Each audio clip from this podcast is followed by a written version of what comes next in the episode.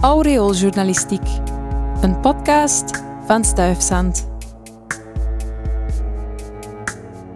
Midden in jouw dorp staat een kerk met een naam. Maar ken je ook de mens achter die naam? Vandaag vertelt Wivien van Mechelen je het verhaal van de heilige Laurentius van Rome, die in de katholieke kerk gevierd wordt op 10 augustus.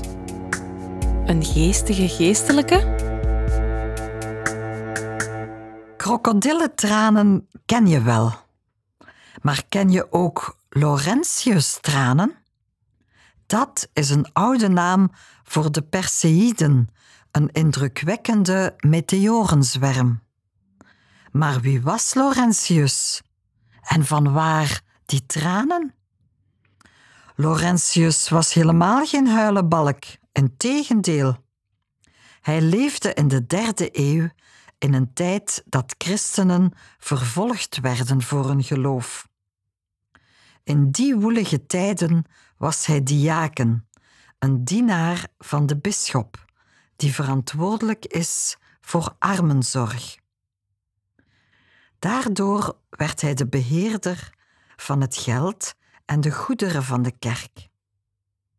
Ondanks alle moeilijkheden had hij volgens de overlevering een heerlijk gevoel voor humor en een groot rechtvaardigheidsgevoel. Van martelaar naar patroonheilige van de comedians, doe hem dat maar eens na. Toen de bisschop, die Laurentius diende, werd weggeleid voor de marteldood, vermoedde Laurentius dat ook hij snel aan de beurt zou zijn. Als voorzorg besloot hij de bezittingen van de kerk te verdelen onder de armen. De Romeinse prefect kreeg lucht van dit gebeuren en vroeg Laurentius waar de schatten gebleven waren. Laurentius vroeg drie dagen tijd om ze bij elkaar te zoeken.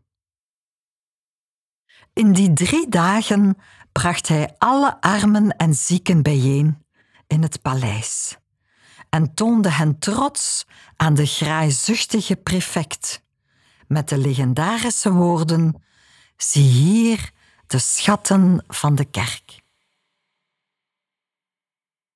De prefect had helaas geen oor voor die diepzinnige boodschap. Hij gaf de opdracht om Laurentius levend te roosteren. Niet meteen de gezelligste barbecue die hij ooit had bijgewoond. Hij onderging zijn lot echter waardig en droeg zijn lijden op aan God. Ook deze keer liet zijn gevoel voor humor hem niet in de steek. Volgens de overlevering zei hij tegen zijn bewakers: De ene kant is al gaar. Draai me eens om en tast toe. Voor de middeleeuwse luisteraar was dit geen grap, maar pure ernst. Deze uitspraak diende om de heldhaftigheid van Laurentius extra in de verf te zetten. Later leverde ze hem echter de eer op patroonheilige te worden van onder andere brandweermannen, koks en comedians. Zijn voorspraak wordt ingeroepen tegen brandwonden en ook voor de zielen in het vagevuur, omdat hij weet wat branden is. Laurentius is onder andere patroonheilige van de kerk van Zammel in Geel. Als je daar voorbij komt, of op een warme zomernacht de Perseïden voorbij ziet vliegen, denk dan eens aan de heilige Laurentius, wiens gevoel voor humor hem, zelfs in moeilijke tijden, nooit in de steek liet.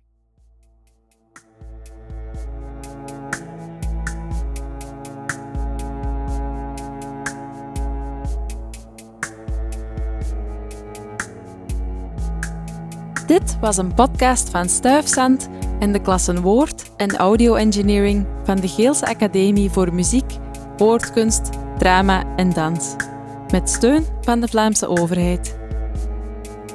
Heb je nog vragen, suggesties of opmerkingen? Laat het ons weten op info.stuifzand.be. Dankjewel voor het luisteren.